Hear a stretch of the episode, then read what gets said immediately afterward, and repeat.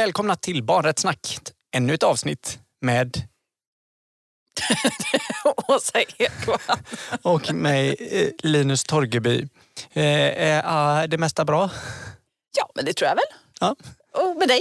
Ja, det mesta är bra. Vi gräver inte djupare i oss själva utan vi kastar oss över ve- veckans ämne direkt. Vad är det vi ska prata om idag, Åsa? Och, och hur är det kopplat till barnkonventionen? Ja. Ja men, vi har ju sagt att vi vill gärna prata om lite ämnen som kanske inte är så vanligt att man pratar om utifrån ett barnrättsperspektiv, alltså med, med liksom rättigheterna som grund.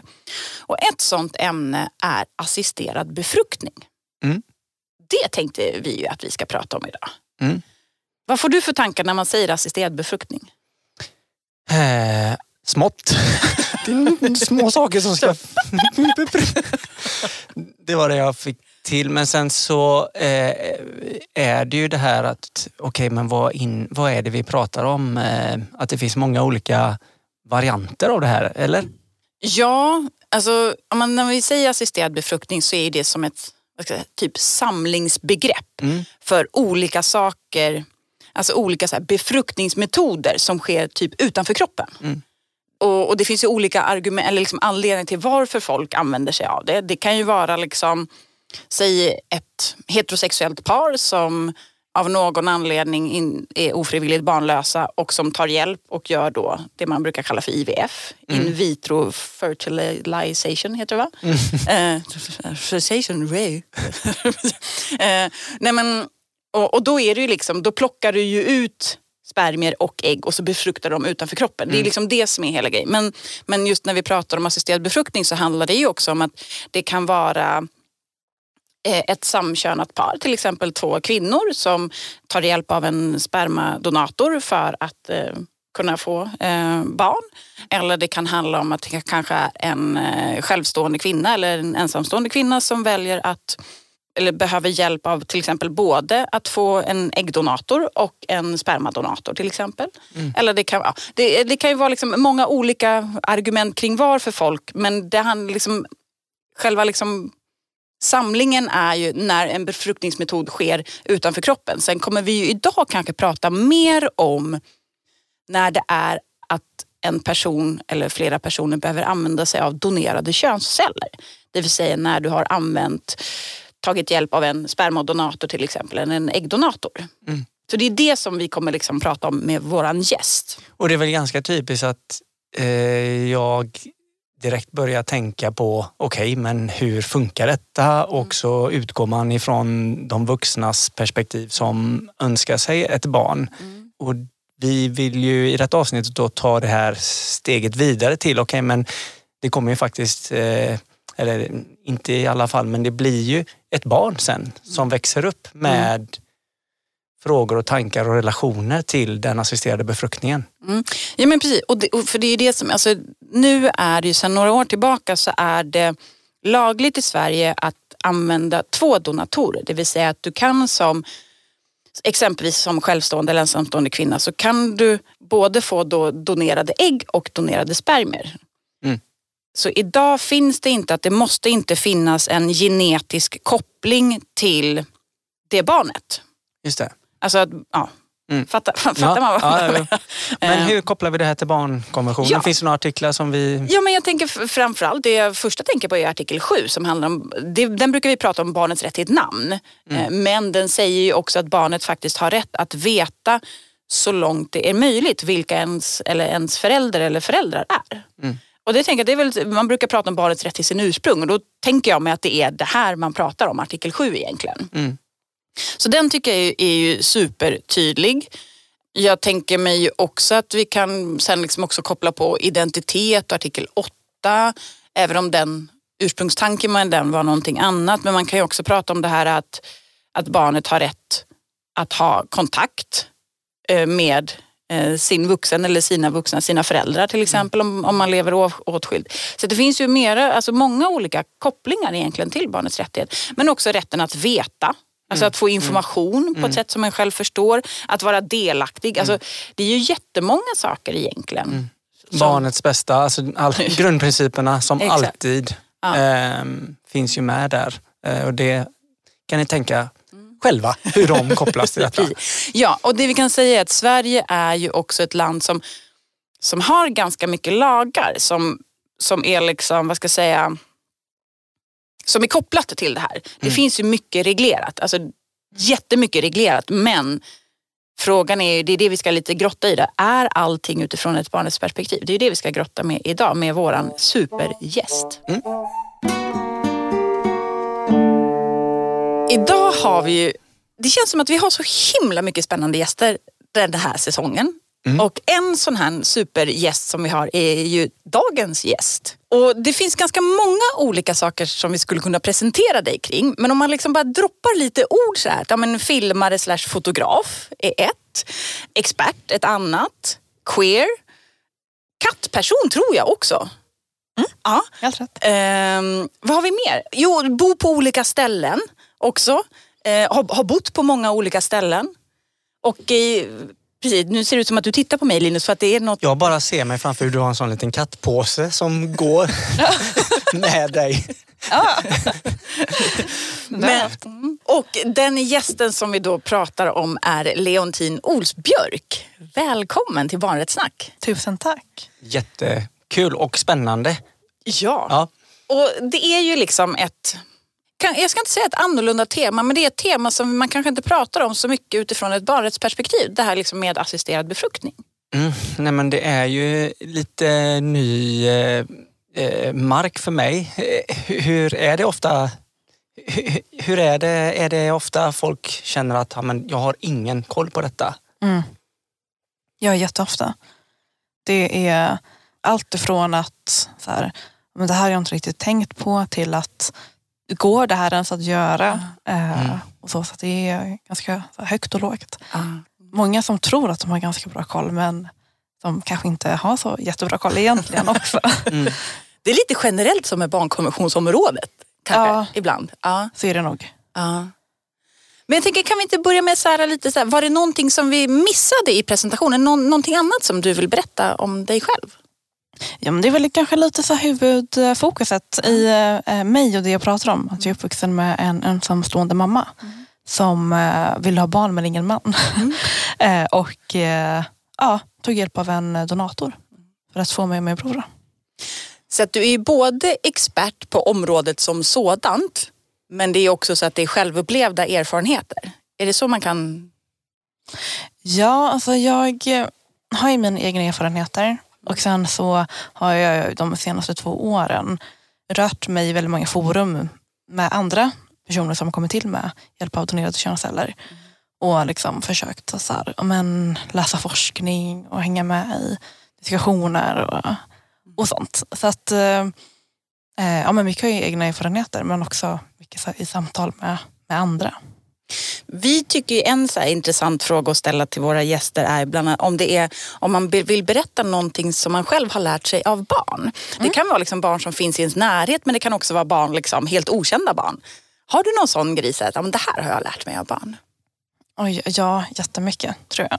Eh, jag tror att en sån grej, det var inte riktigt så specifikt, men det var när jag var, jag jobbade som eh, resurs i en skola och fick vara med på en bildlektion. Och då var jag, ja, jag hade precis fyllt 18 och eh, jag är ju ganska kreativ, jag gillar att hålla på med liksom, måla och så här. Men det är ganska lätt som vuxen att fastna i liksom alla de här det ska vara så här, bla bla bla, bla och man ska ha ett mål och man ska ha en, liksom, någon metod liksom, när man skapar. Eh, och så hamnade jag på en bildlektion med några eh, nioåringar, det gick i trean. Och det var färg överallt, det var bara stora papper, de bara körde. Och det, fanns liksom ingen, det var liksom bara den här lusten och att det skulle vara kul att skapa. Och jag vet att jag här, gick, hem efter den jobbdagen och hade liksom så här, bara, satte mig hemma med så här stort papper och bara så här rita och höll på. Att du, och inspiration också? Ja, och att så här, tänka att bara, men, liksom, ha med den här lekfullheten i det behöver inte vara så pretentiöst, man kan bara göra någonting för att det är kul. Och sen så lämnar man den lektionen och går vidare. det var väldigt befriande. Och jag tänker att det, då var jag, jag var ändå ganska ung, jag var 18, men hur fort man tappar det där roliga. Liksom. Eh, inställningen till mycket. Så att eh, det, det skulle jag säga, det är någonting jag liksom har med mig. Ja, bra grej att ha med sig. Jag tänkte bara en grej du sa med forum och, och det du började för två år sedan. Mm. Är det, får du, kommer du i kontakt med många barn där? Är det, är det barn som hör av sig där? Märker man mm. av det eller? Det kan vara, alltså de här forumen är ju som på internet. Mm. Är mycket Facebook och Instagram. Mm. Eh, så de yngsta som jag vet om är ju 14-15. Mm. Så att det är ju inte riktigt, det är inte så många unga barn, yngre barn på det sättet. Nej, nej. Eh, och, men de flesta är ju äldre, de flesta är ju vuxna. Eh, eller väldigt unga vuxna. Mm. Så, tyvärr. Hur ser din så här, relation till barnkonventionen ut? Ah, bra fråga. Ja, men min relation till barnkonventionen det är ju någonting man har haft, alltså, haft med sig i skolan. Mm. Så man har gått igenom och sen så blir det väl ganska mycket nu när den blev eh, lag. När Sverige antog den som, som lag. Men eh, relationen mest är väl att den diskuteras väl ganska mycket och den är väl ganska alltså, den är ju bra. Mm. Men kanske inte alltid följs eller man kan tolka den och lite sådär. Men jag har inte jättebra koll på den. Alltså det är lite pinsamt. Eh, men man har ju den här övergripande kollen att man ska ha liksom rätt att säga vad man vill, känna vad man vill, trygghet och liksom, eh, allting. För jag tänker, för, för, vi vill ju ändå på något sätt, här, när vi säger att saker och ting ska vara utifrån ett barnrättsperspektiv, så för oss är ju det väldigt tydligt, så här, ja, men, artiklarna i barnkonventionen, att det är de som liksom blir grunden och sådär. Och det är ju det som vi vill prata om. Och jag tänker lite så här, men jag skulle ju ändå säga att du är en barnrättskämpe. Även om du själv säger att du inte kanske kan konventionen så skulle jag ju säga att du är en barnrättskämpe. Okej, okay, ja. Eller? Eller det ja. jag, alltså jag tänker utifrån när man läser det du skriver. Alltså det ja. utgår ju hela tiden från liksom att, utifrån barnet och mm. de rättigheter som barn har. Ja, och det är ju, jag vill ju verkligen ha det som fokus. att man, man tar ofta väldigt mycket antaganden om barn. Eh, och man tror att eh, man vet hur barn känner och föräldrar tror ofta att man känner sina barn bäst. Och sånt, vilket kanske inte alltid är. Men sen så det är, jag, vet, jag är kanske inte riktigt där än att jag kallar mig själv mm. barnrättskämpe. Men jag blir väldigt glad när någon annan säger det. så.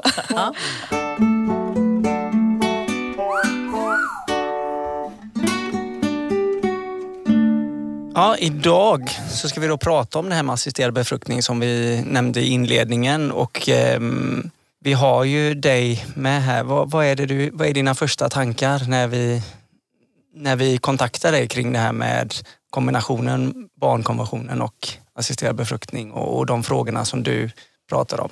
Mm. Det som jag tänkte då, det var att typ att det är precis utifrån det vi behöver prata om på de här frågorna. Eh, ofta när jag pratar om detta så pratar jag ofta med donationsföräldrar utifrån liksom det mötet som är mellan en person som kommer till via könsdonator och en person som söker hjälp av en könsdonator. Men det är ju väldigt intressant det här med barnkonventionen och jag tror att många tänker att Sverige följer den. Eh, men att det inte alltid är att vi själva, vi som eh, har kommit till på det här sättet, känner så. Mm. Så att det är, jag känner att det är ett väldigt viktigt samtal att ha. Mm. Och, för, och jag tänker lite när man pratar om det här med liksom donerade könsceller, assisterad befruktning så, så blir det väldigt lätt att liksom koppla det till familj, släkt, liksom ens mm. ursprung. Liksom. För det är ju någonstans, det är också det som saker och ting, jag ska inte säga handlar om, men, men det anknyter ju till det. Vi kommer liksom inte ifrån att prata om det. Vad tänker du kring ordet familj? Vad, vad, vad är det? Det är ju jättebrett. Mm känner jag. men det är väl också att så här, eh, kommer man från, är man liksom i queer communityt så är ju familj verkligen de man väljer in. Och det kan vara liksom ens närmsta vänner och det kan vara liksom, väl, som självvald familj. Sen så är det väl också det typ klassiska att det är så här, mamma, pappa, barn, familj. Men det är ju också, alltså, det finns ju som företag som har så här, företagets familj, här är vi en familj. Mm. Eh, så att det är, det är verkligen som upp till varje person och vilka man tänker ingår i ens familj. För jag tänker så här, barnkonventionen definierar ju heller inte familj.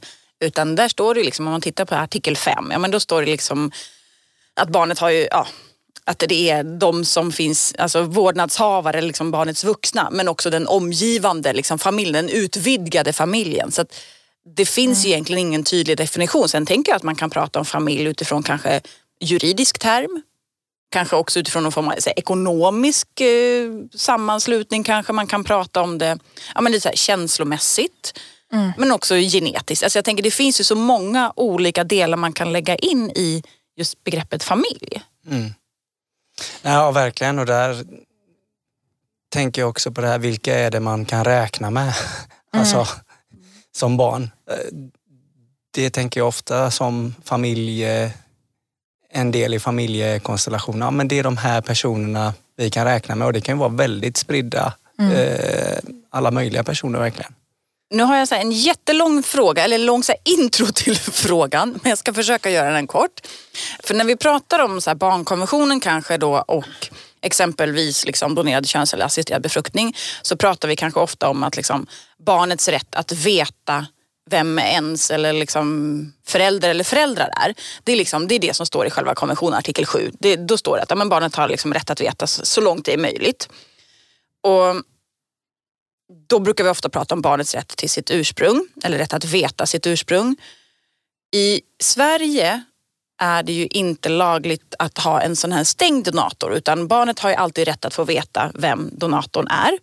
Men utomlands så kan du, få, kan du välja att det är stängd vilket ju gör att Ja, men det, som sagt, det är en jättelång. Det jag försöker säga är att vad tänker man? Det här är ju ingenting som, vi kan aldrig få barnets perspektiv innan eftersom barnet inte finns. Utan det är ju alltid vuxnas perspektiv på det här. Va, va, vad tänker du liksom kring det?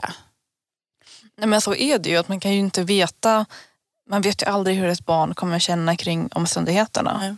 Eh, sen så kan man ju försöka gå efter eh, alla som har varit barn i samma situation eh, och hur vi har känt i det.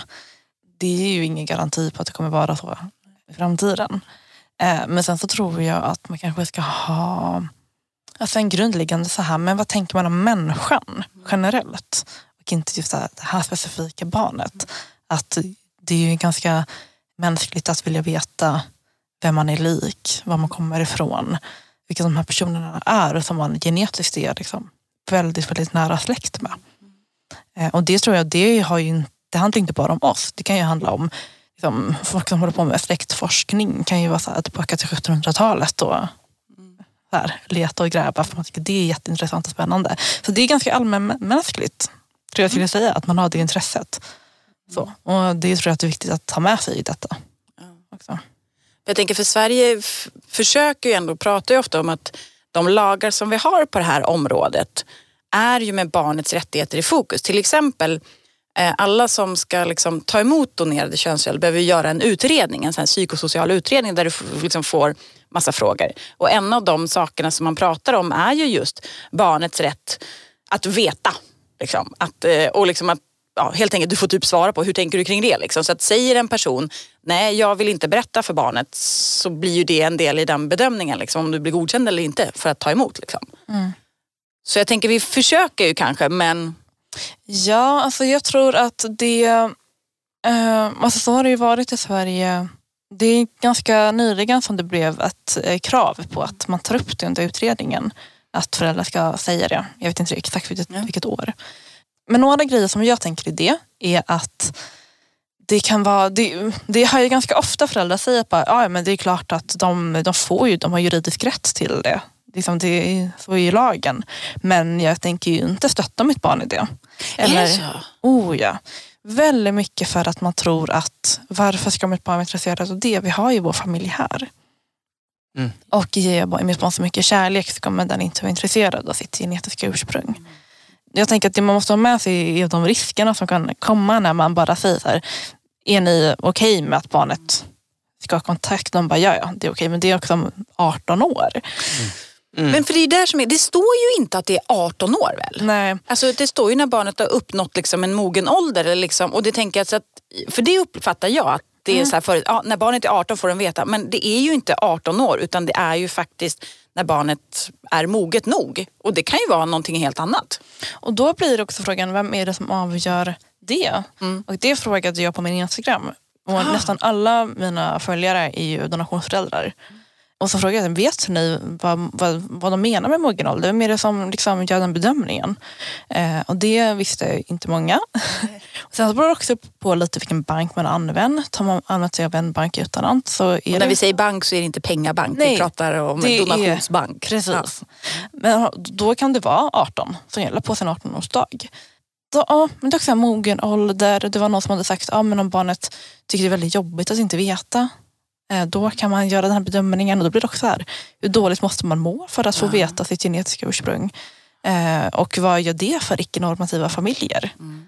Att behöva liksom... Men när, när blev du intresserad? När började du tänka på de här frågorna? Jag började tänka på de här frågorna när jag var ganska gammal. Alltså jag gick hela min uppväxt utan att knappt fundera på detta. Nej. Eh, det var först när jag... Mm, jag var inbjuden i en podd faktiskt och för att Mm. prata om detta och var så här innan den podden bara, "Va, vad ska jag säga? Alltså jag har ju aldrig tänkt på detta. Eh, och eh, förstod då att men det är ganska vanligt att eh, personer använder donator för att bli förälder. Mm. Och eh, då började jag hålla, med, hålla lite mer koll på hur ser det ut i, som, så här, i media. Är det några av oss som kommer till tal? Så vad säger de? Mm. Och jag såg inte en enda i Sverige. Och då, ja, men på en vecka såg jag som tre nyhetsartiklar. Och en var, ja, men det var en läkare och det var en donator och det var ett gäng föräldrar Mm. Mm. som kom till tals. Och det var väldigt fint, det var väldigt så här, det var gåvor man snackade om. Liksom. Så här, som de här kärleksfulla familjerna och, och så. Men att, eh, och så tog jag ett DNA-test och hittade först sju syskon, halvsyskon. Eh, och sen så fick jag reda på att det fanns att vi var 16 stycken, alltså allt som allt, som vi visste om. Men att vi förmodligen är eh, uppemot 70 stycken. Och då, det var första gången jag, jag kom i kontakt med andra och fick höra att alla, jag, jag, jag har inte tänkt på detta när jag var liten. Jag var verkligen så här, "Ja, ja, min familj det är jag, min bror och min mamma. Det är det. Mm. Eh, men eh, så var det en halvsyster till mig som var så här, jag har alltid tyckt att det är jättejobbigt. Mm. Jag har alltid varit så här, varför har jag ingen pappa? Varför, varför vet inte jag vem han är? Och då så började jag sätta mig in i det mer. Eh, så det är liksom på den vägen Mm. Mm. Mm. eh, det var. Det tog lite tid. liksom, så. Men Mm. det var många olika saker som påverkade att jag började sätta mig in i det. Men i, i ditt fall, var din mamma öppen med... Mm. Ja, Jag, har, jag och min bror har alltid vetat ja, eh, om att eh, mamma åkte till Danmark. Eh, Ja. Det har verkligen varit så här, eh, jag tror både jag och min bror kunnat dra den historien sen när vi typ började prata. Att va, mamma åkte till Danmark, hon fick hjälpa med läkare. liksom, Ja. På den nivån. Eh, och det har alltid varit väldigt odramatiskt för oss att prata om. Jag har aldrig känt att det varit jobbigt att berätta eller att jag aldrig känt att jag saknar någonting. Eh, det har varit så himla självklart för mig. För så är ju inte fallet för många barn Nej. eller som, som sen har blivit vuxna som inte har vetat om det här eller man har berättat det. Mm. Majoriteten av alla vet jag antagligen inte om att Nej. deras föräldrar har använt donator. Är det så Så. att majoriteten inte vet? Ja, man tror det. Oh, Kanske shit. inte i Sverige, Nej, det nej, vet man ju. Fast det tror jag också. För att det är så, kollar man på lite statistik om de som faktiskt vet och de som, och som, de som vet och får kontakta donatorn eh, så gör många det. Kollar man på Sverige så är det ganska få som har kontaktat donatorn och det är antagligen för att man inte eh, vet om att det finns någon att kontakta.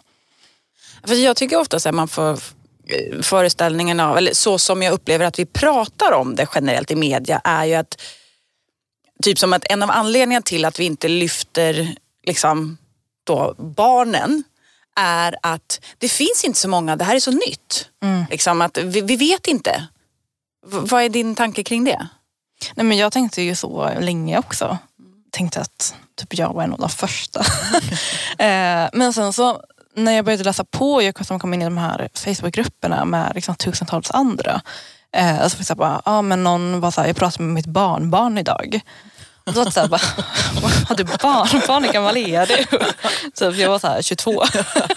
wow. wow. Eh, nej men så är det ju inte. Alltså den första föddes ju 1884. Det är liksom, Det är ju jätte, alltså det finns ju ingen som pratar om det. Nej, Eller? Eller är det, Det- vi som är helt avskärmande? Nej, man pratar inte om det. Och väldigt mycket är för att eh, för det första så visste varken mam mamman eller barnet visste inte om att situationen såg ut som den gjorde. Eh, det var först 25 år senare tror jag som en läkare som var med skrev om det i en tidning.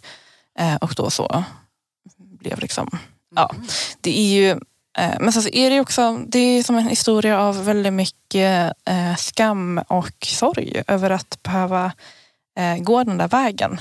Det är också väldigt mycket fokus på liksom, de specifika familjerna. Men man pratar gärna om så här, i regnbågsfamiljerna ser det ut så här och de heterosexuella bland de heterosexuella paren eh, så ser deras familj ut så här och vi som är självstående eller ensamstående, vi har det så här. Eh, så att det är väldigt grupperat. Ja, inte liksom strukturer, är det alltså inte liksom, man ser inte helheten, är det det? Ja, och att man vill ofta vara så här, men det, man, jag upplever att man ofta är så här, ja, men det är en helt annan grej för att familjerna ser ut på ett annat sätt. Eller så här, eh, ja, men i Tyskland och så eh, har de ett helt annat samhälle så att vi kan inte jämföra med eh, väldigt mycket sånt där. Att man vill inte dra några slutsatser utifrån någonting. Men då kommer man ju, för det är ju det som är grejen tänker jag, att då kommer du ju hela tiden bort ifrån det enskilda barnet. Om Mm. du hela tiden pratar familj så kommer du faktiskt bort ifrån barnet. Mm. Och, och jag tänkte också på utgångspunkten i diskussionen som du sa med tidningsartiklarna där att ja, men, själva startpunkten för detta är en vuxen person eller två som vill ha någonting, eh, önskar sig ett barn och eh, det är väldigt litet allting. Alltså, det, Mm. det är liksom medicinskt och det är liksom så här, det är svårt att på något sätt inkludera det kommande barnet i tanken på något sätt. Eller jag är ute och Mm. cyklar här. Men, och, då, och det gör ju att man ger vuxna företräde i frågan under liksom själva den inledande liksom processen.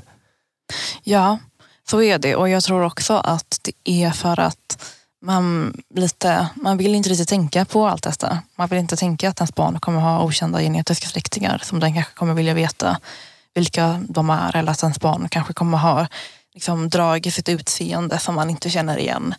Och att fokuset är så himla mycket att man vill ha, alltså man vill bli förälder, man vill sitta där för frukostbordet med sitt Mm. barn. Mm. Eh, och så kommer det ju vara alltså i många, många år. Och man kanske inte riktigt tänker på just barnets situation för att det är liksom inte så mycket fokus typ de fem första åren kanske. Mm. Så. Och Vad tänker du så här att, om- för nu, det här det är ändå en rättighet att veta så långt det är möjligt och vilka ens föräldrar eller föräldrar är. Vad tänker du, för det är ju också så att när du använder då till exempel en stängd donator eller när man inte liksom berättar för barnet så, så är det ju på ett sätt, man förvägras ju faktiskt rätten att veta det som barn. Vad tänker du, vad, vad kan det få för, kan det få konsekvenser och i sådana fall vad kan det få för konsekvenser? Kan man svara på det, tror du? Ja, och det... Nu har ju jag alltid vetat, även om jag också... Min mamma fick ju använda en anonym donator, så jag har ju, är uppvuxen, uppväxt med, uppväxt med att jag aldrig kommer få veta. Och jag var okej med det eh, väldigt länge och jag har ju än idag inte så här, någon, något stort behov av att jag måste veta.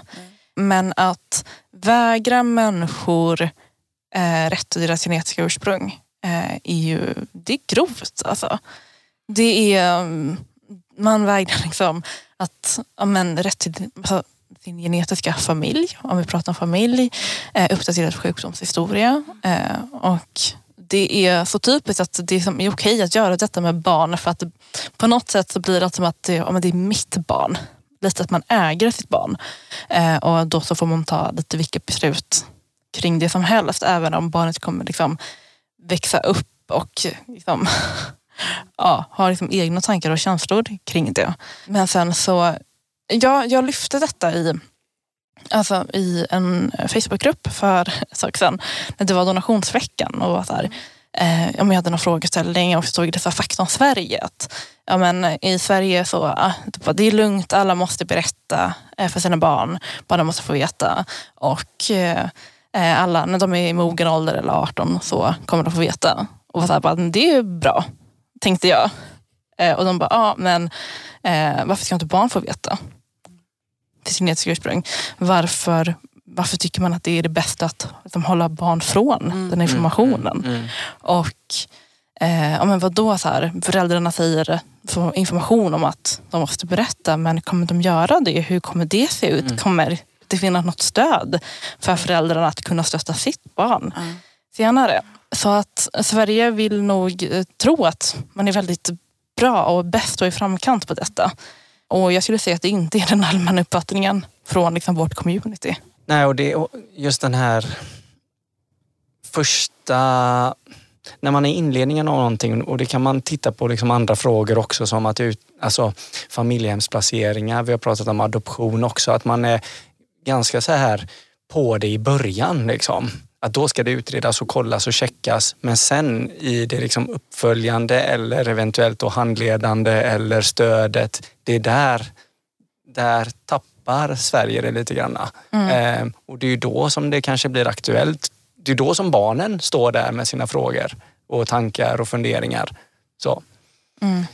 Men jag tänkte på detta, för, för det här var en ny, en, en ny sak som, jag fattade det här med medicinska liksom, sjukdomshistoria eller, eller de Mm. delarna. Eh, och då, då blir det ju så självklart också för mig vad ofta man har fått, eller jag har fått de frågorna i relation till mina egna barn. Ja, men hur många har glasögon? Finns det andra i släkten som har detta? Hur lång är den? Alltså, det är ju många sådana delar ändå som är viktiga. Ja, verkligen. Och det är ju någonting som många av oss inte kan svara på. Nej. Och många, även om man har öppen donator så kan man ju säga att alltså, en 15-åring som kanske ska ha p-piller kan ju säga men, ja, men det var bra för 15 år sedan, kanske inte 20 år sedan.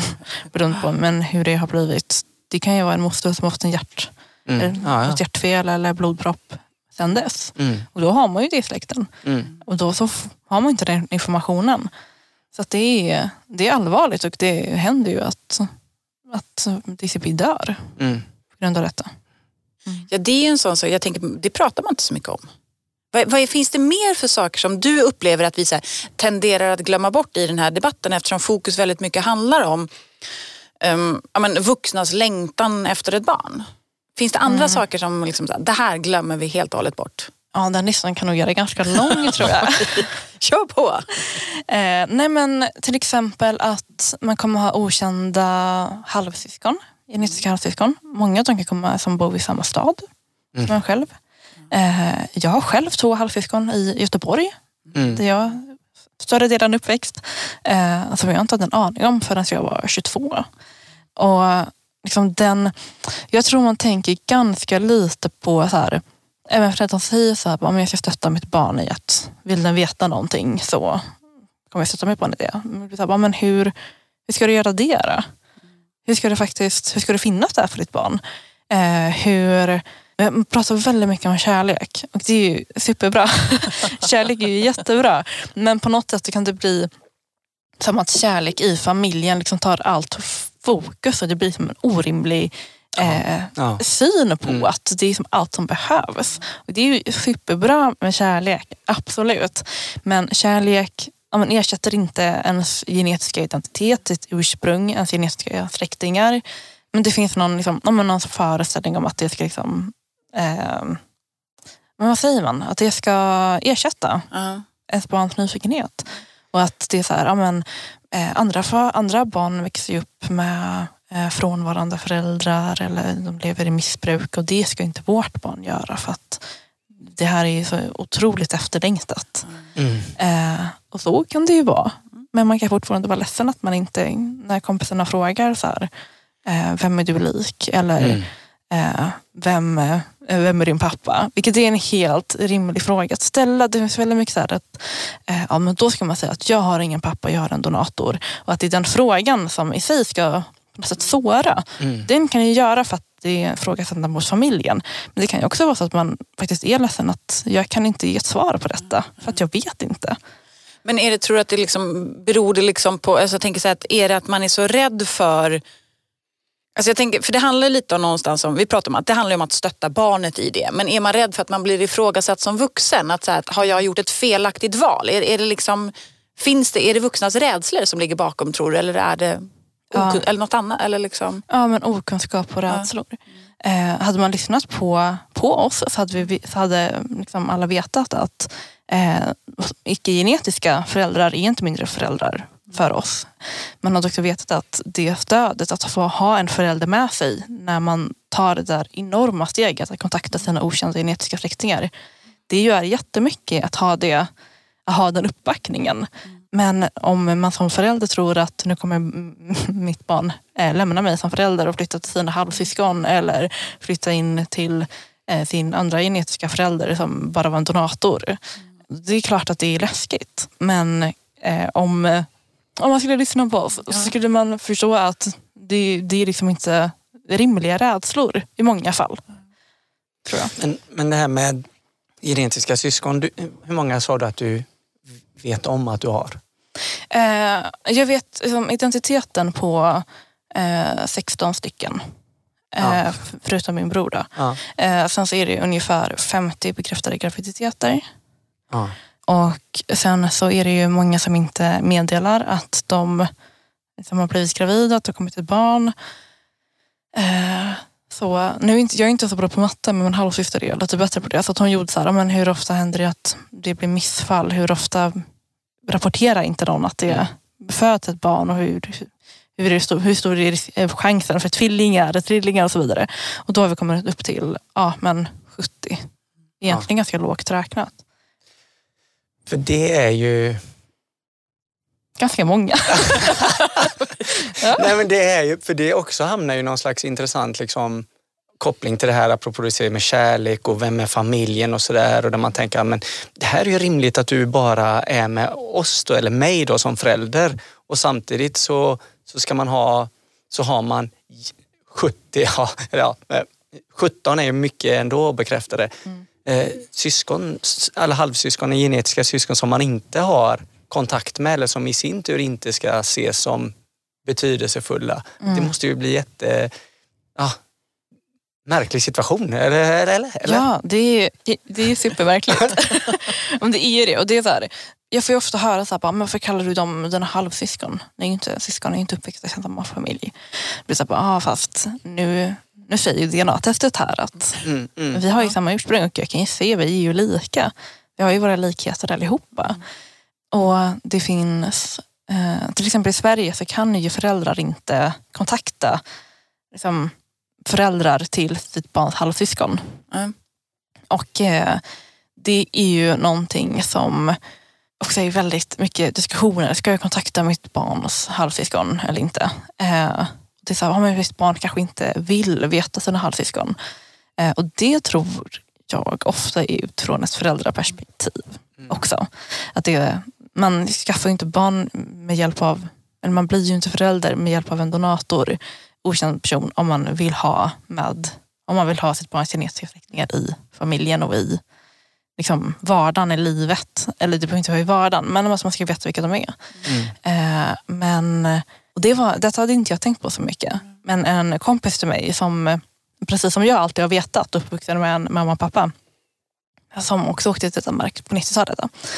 Och jag sa bara, ja, men man pratar ofta om att man ska vänta till barnet kan berätta själv om den vill träffa sina halvsyskon eller vet vilka det är. Och den tanken är väldigt fin men eh, samtidigt så hon sa så här, bara, men det var ingen som frågade mig om med mina kusiner. När jag skulle Precis. vänta tills jag var mogen nog att vilja träffa dem.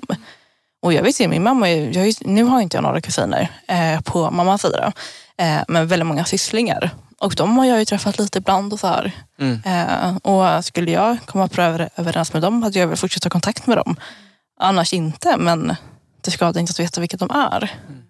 Jag tänker ofta, för vi pratar liksom här, när vi pratar om barnets rätt till inflytande och delaktighet så pratar vi ofta om att alltså, vuxna har ju perspektiv, vi ska skydda barn. Liksom. Eh, och det är ju jättebra för det ska vi göra. Och samtidigt så har ju barn rätt till inflytande, rätt till att vara delaktiga. Och då handlar det ju om, och som i det här fallet tänker jag, då handlar det om att skydda barnet i den delaktigheten, inte från. Alltså det handlar ju om, att, precis som du pratar om, att ge stöd, att vara där för barnet för att kunna få den här informationen, ha kanske de här kontakterna.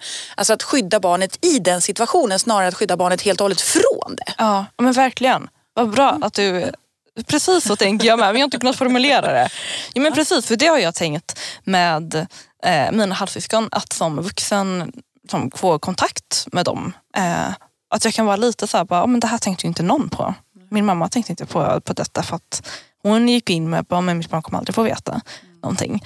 Eh, och det har aldrig varit meningen att vi ska veta om varandra. Det är inte upplägget.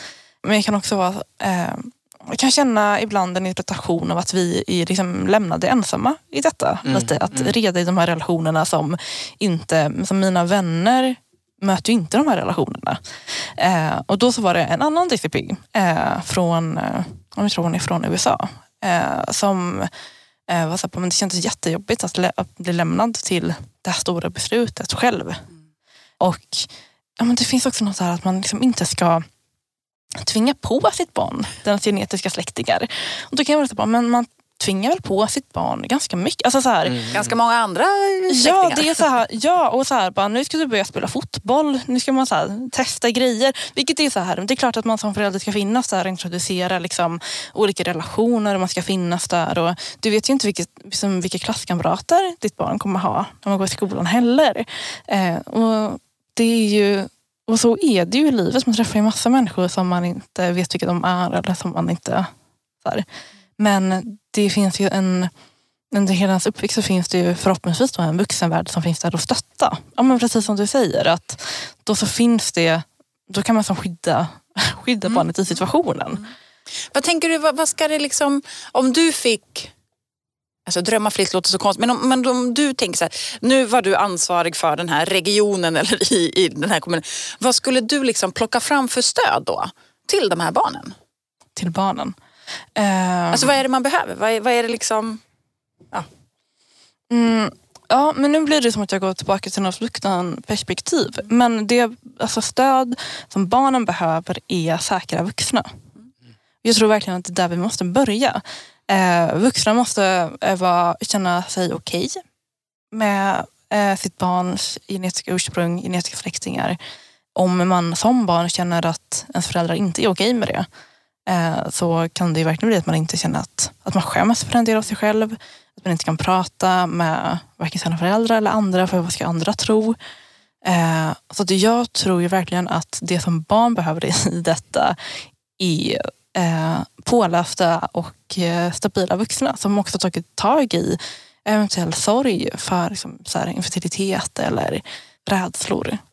Och så. Jag tror det skulle göra jättemycket för, för barnen. Och jag tänkte också på det med syskon för jag läste någonstans också att det finns tankar eller idéer om att begränsa antalet syskon man kan ha. Hur har den diskussionen varit? Är den utifrån, finns det liksom tankar utifrån ett barnrättsperspektiv på just den frågan. Men det är ju reglerat mm. i Sverige, är det ju reglerat hur mycket det, det. får ge upphov till. Ja. Okay. Mm. Ja, så det, men jag vet inte hur det ser ut utomlands. Men, ja. Nej, och det finns ju svenska kliniker som använder sig av danska banker. Och då så... Är det inte svenska regler som tillämpas då? Eller? Jo, att det är just den donatorn får användas till sex familjer i Sverige. Men det kan användas i några familjer i Danmark, några Aha. i Nederländerna och så vidare. Så att det blir det kan bli väldigt många syskon ändå. ändå. Mm. Eh, men det är absolut. Eh, det, det finns ett nätverk som heter We Are Donor Conceived. Mm. Eh, och de har, det, det är liksom inte forskning, så. Mm. men de har, jag tror det var över 500 eh, DCP mellan 16 och typ 70 från massa olika länder som fick svara på massa frågor. Mm. Och eh, den absoluta majoriteten vill ju begränsa till under 10 syskon. Mm. Eh, för det blir för många att ta in. Ja. Det, ja. Ja, men jag tänker på, men lite som när du fick veta från att liksom inte ha velat veta och sen så helt plötsligt så öppnar, alltså, mm. det, det, är ju jättemånga människor liksom. Mm. Ja. ja. Och då tänker jag att alla människor har ju så här, man har liksom relationer i skolan ja. eller på jobbet och liksom allt där. Och allt det här har ju vi också. Mm. Det var det att vi har de här 20, 30, 40, 50 ja. extra personerna som vi dessutom är släkt med som vi inte känner. Mm. Det är ju det är en del att ta in och jobba med. Mm. Och det är ju väldigt skönt att bara stänga den dörren också och säga att jag inte är intresserad. Så mm. man kanske inte orkar.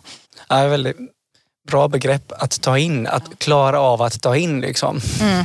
Så. Vi har pratat lite tänker jag, men jag hade någon fråga där med liksom, finns det några så här, äh, saker som du är trött på, är kanske fel men liksom är det någonting som du känner så här, fan det här har vi ju kämpat mot ett tag, liksom. kan man inte lägga ner den här? Alltså typ mm. missuppfattningar, så finns det någon sån grej som du är trött och bara, men hallå, kan ni inte förstå det här nu? Eh, ja, Ja, det är några grejer. Men det är också med väldigt mycket det här med kärlek. Ja, ja. Jag är så trött på kärlek, höll jag på att säga. Nej men just det här med det blir också väldigt så jobbigt för mig. För att mm, alltså, min mamma är mitt största stöd i detta. Jag har fått jättemycket kärlek. Och så blir det som att andra tror att jag inte har fått någon kärlek. Det är därför jag är så bitter. Mm, Eh, och, vilket är så här, men det, så är det inte. Eh, väldigt mycket om, det är ju trots allt många som använder helt anonyma donatorer. Det var inte jag beredd på att det ansågs vara okej att använda det och sätta människor i den situationen. Eh, så det, det är jag fruktansvärt trött på. Jag är också väldigt trött på att behöva att bli rättad hur jag benämner mina släktingar, genetiska släktingar. Att, eh, som, antingen som halvsyskon eller att jag säger att jag har en biologisk pappa. Jaha, att få, Det Ö, folk stör sig på om du använder olika, Ja. alltså använder de begrepp. Aha, okej. ja. jätte, jättemycket. Eh, jag kan nästan, det spelar som ingen roll vad jag pratar om. Eh, säger jag biologisk pappa så är det just det jag blir kritiserad eller ifrågasatt för. För då, äh, vad, vad är det man blir arg på? Eller för, förlåt. Eh, ja, alltså det jag tror handlar om att pappa, men det är ju ingen pappa. Och det är ingen social pappa. Jag har ingen pappa i mitt liv. Jag har ingen pappa som har hämtat från ja, Att det är typ att man ska typ tycka att du ska tycka att det är en donator, att det inte är en pappa. Ja, jag ska, är så? precis, det ska vara väldigt av, avhumaniserat. Och det ska väldigt mycket på just donationen i sig. Sen så kan ju jag vara så här, men jag har inte tagit emot någon donation. Jag har aldrig gjort det. Och då så kan jag ju känna, men då har inte jag en donator. Och jag har förmågan att skilja på biologisk och social förälder. Eh, och det... Eh, för mig är det väldigt viktigt att få benämna. För det är trots allt min person och jag måste få benämna som jag vill. Eh, och där kan jag verkligen se att där tror jag att många borde eh, vara mer ödmjuka mot sina barn. Att inte rätta sina barn så mycket. Inte säga att det här är bara en donator och du får inte, du får inte kalla den här personen för biologisk pappa. Eller, Men för det tror jag nog att man har läst ganska mycket om. Just Ja. att eh, när man pratar om så här, ta emot och liksom donerad könsceller, att det är just att ja, men det är ju en donator, det är ingen förälder. Mm. Liksom, så. Ja, och där kan jag säga att eh, vi är jätte vi är kapabla. Men också så här, underskatta inte vår förmåga att förstå situationen. Eh, vi förstår, min partner är adopterad. Hon har alltid fattat att ja, men hon, har, hon har två biologiska föräldrar i Indien och hon har två sociala föräldrar i Sverige. De har aldrig tagit ut varandra. Eh, hon har inte varit förvirrad för det. Eh, och jag förstår inte varför vi inte skulle vara kapabla att ta in den informationen. För, det tänker jag också hela tiden att det jag läst nu eller på forumet är ju också väldigt mycket det här.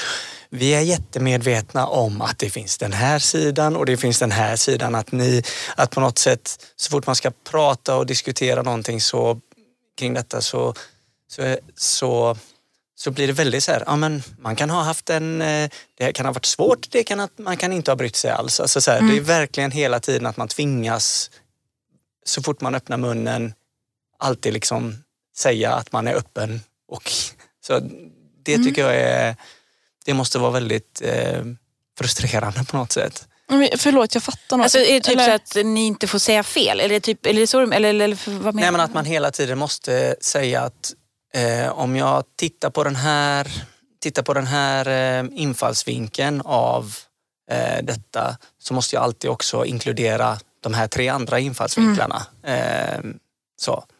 Ja, det ska vara väldigt nyanserat Ja, just vi att man alltid måste nyansera allas Ja. berättelse, allas ingång i det. ja, ja, Eh. Så. ja, det är jättejobbigt. Och att väldigt mycket fokus bara på, ja, men tänk på de barnen som absolut inte vill veta. Ja, precis. Ja, till exempel. Jag är så fruktansvärt trött på det. För att de har, de har sitt fulla stöd för sina föräldrar att inte vilja veta. Det som de som faktiskt blir ifrågasatta, det är faktiskt de som vill veta. Mm. Eh, och jag blev faktiskt rättad av en kompis som alltid har velat veta. Hon var så här, men det handlar inte om att det handlar inte om att vilja veta, det handlar om att faktiskt känna att jag måste veta. Jag måste, måste veta. Ja, ja. Eh, Men sen, ehm, jag, jag funderar på detta med ehm, gentestning, eller vad heter det? Alltså, DNA-test. Ja, DNA-test. Det, det har ju på något sätt kommit in som eh, verkligen liksom, som en jättestor faktor i den här frågan på något Mm. sätt. Ehm, vilket gör att kanske blivande föräldrar eller föräldrar som vill Alltså man måste tänka mycket större för att man vet att en dag kanske barnet kommer söka via en genbank eller DNA-bank eller vad det heter. Mm. Har det hjälpt barn i det här läget? Eller kring de här frågorna, förstår du? Ja, eh, jag vet ju att en del barn har ju fått hjälp av sina föräldrar att Mm. eh, när de, alltså som, som små, alltså typ under tio och börjat fråga och har verkligen uttryckt att de vill veta att då har föräldrarna hjälpt dem DNA-testa. Mm. Och för oss eh, vuxna så, alltså de allra flesta av oss har ju, har ju föräldrar som använt anonyma donatorer. Och eh, vi tar ju alla DNA-test. Ja. Så att idag kan man, kan man kanske inte tänka sig att det bara finns stängda för att det finns DNA-test, alltså de metoderna som gör det enklare att ändå kunna få veta lite eller liksom komma närmare det. Ja, sen så tycker inte jag att man ska, eh, för det har jag också hört några gånger så här, och jag också har sagt det några gånger, så här, det finns inga anonyma donatorer längre. Och det är ju sant, att en donator kan ju ha en kusin som tar ett DNA-test och sen så kan man få veta vem det är. Men det är också att man kanske vill kontakta donatorn. Mm. Eh, och om donatorn har gått in med den alltså, inställningen att eh, jag kommer aldrig kontaktas eh, och jag har Nej. inte sagt att jag är öppen för någon kontakt så kan ju donatorn verkligen vägra svara. Just det. Ja, hur, vilket ansvar har en donator i Sverige just nu? Eh, inget. Typ. Vad tänker du om det? Eh, ja men alltså det är ju det är ju väldigt mycket föräldrafokus på det. Och jag tror att jag aldrig hört, alltså, när jag ändå har frågat liksom, donatorer på, men varför donerade du? Så är det ofta så här, "Ja, men jag vill så gärna hjälpa eh, andra att få sin högsta dröm. Och man, men man pratar väldigt mycket om gåvor och så utan att egentligen tänka att men den, du kommer som bli människa Mm. av den här handlingen. Eh, en människa som kanske kommer vilja veta vem du är Mm. som kanske vill lära känna dig. Eh, och det tror jag inte att så många tänker för att man tänker just på det här som de här personerna som så gärna vill bli föräldrar. Ja, för jag läste så här, men nu, det var ju ganska nyligen, nu är det brist på Mm. spermier i Sverige. Eller var, var inte det ganska nyligen? Det var ju under pandemin ja, var det ja, och då tänker jag så här, mm, okej. Ja, Ja, nej men, och det är ju så här. Och det är ju då också de argumenten för anonym donation kommer upp. Eller att vi ska, liksom, det, att samma donator ska kunna användas till jättemånga familjer.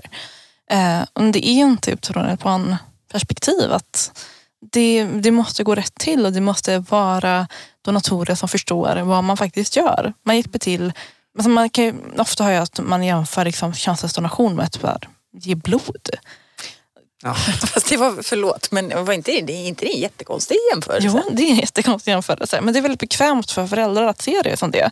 Alltså, åh, nu, jag behövde någonting och då tog jag emot en gåva. Mm. Um, Utan att tänka att eh, den här gåvan är halva mitt barns genuppsättning. Mm. Eh, men, nej, men jag, jag hade ju gärna velat se mer stöd för donatorer också har jag ju märkt. Mm, Nu, att, mm. Du måste berätta för din familj, du måste berätta för dina barn.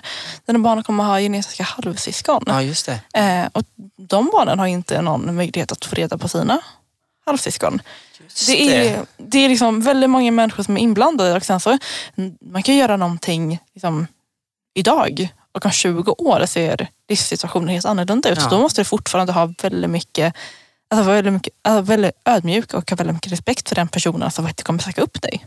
Ja. Den situationen. Och att som vi får alltid höra, här bara, men jag har också fått höra det jättemånga gånger, att så här, ja, men, eh, han vill ju inte vara din pappa. Så, Nej, men jag vill inte heller ha någon som pappa. Nej, nej, nej. Eh, och det får, så här, man måste säga till barn att eh, de måste minsann förstå att det är ingen pappa och de måste vara liksom, beredda på att donatorn inte vill ha med dem att göra. Eh, och det finns, jag tror att alla, all, vi alla vet om, verkligen om att det är så. Vi har inte varit med och tagit några beslut och vi allra flesta är ju väldigt okej med de här besluten som har tagit. Eh, Men att man har lite mer liksom, hänsyn till våra känslor och att de kan ändras under liksom, livets gång. Att bara för att, Och era rättigheter. precis, rättighet. Och det är ju det, för att Sverige tycker ju att man tillgodoser våra rättigheter trots att donatorn kan skita i kontakt, att svara. Mm. Jag tänker, vi... Mm. Jag ser på tiden här att Mm, vi, vi bör, eh, även fast det känns som att vi skulle vilja prata väldigt mycket längre med dig. Men jag tänker, ska vi ha några sådana liksom avrundande frågor? Typ, ja, men, om du skulle ge medskick till exempel till, ja, men till vuxna då, som är i en process att kanske ja, men, ta emot donerad könscell, kanske använda en eller två donatorer. Har du liksom, vad, vad, vad tycker du att de ska tänka på i den processen? Eh, Jag tycker att man ska verkligen känna efter och se att eh, är jag känslomässigt okej? Har jag eventuellt bearbetat eh, sorg? Eh, eller känslor av att inte vara den riktiga föräldern? Inom citationstecken gör du Precis, nu. ja, där, det kommer inte någon höra att jag gjorde. Eh, att, att man måste liksom jobba känslomässigt jättemycket med alla de grejerna så att man kan liksom finnas där för sitt barn och vara liksom en närvarande förälder i barnets situation.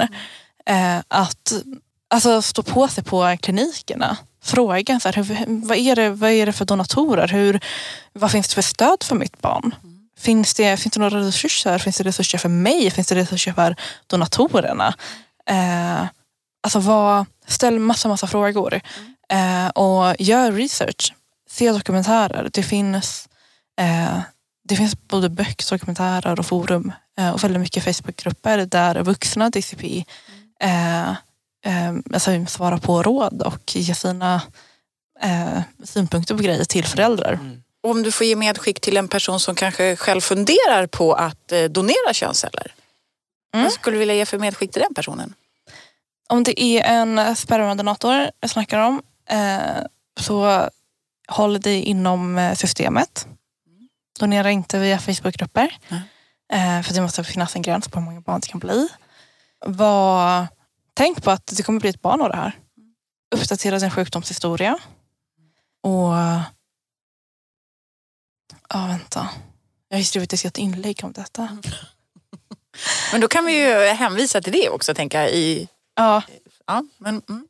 Ja, men det handlar ju väldigt mycket om att eh, ja, det är liksom inte, ingen, förmodligen kommer ingen förvänta om du blir kontaktad, kommer med största sannolikhet inte någon förvänta sig att du ska komma in och ta en social roll som förälder, utan mer som kanske en släkting eh, eller familjevän.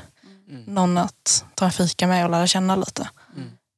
Vi vill inget illa. Och att vi ofta är i väldigt mycket underläge när vi tar de här Mm. kontakterna. Mm. Det är verkligen inte... mm, Ja, Du sa att det var, om det var en spermadonator så var det några. Är det andra medskick till en äggdonator? Eller är det Mm. typ samma? nej, det är samma. En äggdonator kan ju dock inte donera privat på hotellrum. Nej. Det måste ske via, via sjukvården. Så att, eh, men håll, inom en, håll dig inom en region där också. Mm. Skulle jag säga. Har vi någon avslutande fråga Linus? Ehm, aj, så jag är blown away men jag tänker verkligen att hela ja, men det här uppföljande samtalet, uppföljande stödet. Lite du sa att, att om man är i en tanke att göra detta också, att ja, men, tänka några år framåt eller Mm. sådär. Så som du har sagt är viktigt. Ehm, Också att, ta, att föräldrar ska in, ta initiativ. Att visa Ja. att det här är okej att prata om. ja, Vänta inte på att barnen en dag ska komma på att nej. ah, nu har vi pratat om detta. Visa att det är okej. Ja. Men det tänker jag också man kan koppla det väldigt tydligt till liksom att det är alltid vuxna som har ansvar att se till att barn har kunskaper om sina rättigheter men att de också kan använda sig av dem. Mm. Så i det här fallet blir det ju att vuxna ska se till att faktiskt förmedla att du har rätt att veta. Så här kan jag hjälpa dig att veta. Mm. Mm. Nu avbröt jag, men jag minns inte vem jag avbröt. Förlåt. Nej men och sen, um, jag menar att det påverkar många barn. Alltså, det, precis som du sa det här med man har kanske halvsyskon hos donatorn som i sin. Det, det har inte jag ens tänkt på så att samtalet behöver ju fortsätta helt enkelt. Ehm, så. Ja men eh, tack för det vi har fått höra och för att du delar med dig och att vi har fått ännu liksom en dimension av barnrättsfrågan och, och hur barnkonventionen kan ja, vara ett stöd för barn i även eh, Ja, så många delar helt enkelt. Ja. Tusen tack Leontin Ols- Olsbjörk. Och om man vill följa dig på Instagram så heter du Leontin Björk där, eller hur? Ja, Ja. det gör Eh, Och det, det uppmanar vi folk att göra. Verkligen. Ja. Tack för att jag fick komma hit. Ja, men tack. Vi är jätteglada att du är. Ja, Vad fint. Hej! Det var ett jättekonstigt slut. Nu blir det ett skrattljud istället.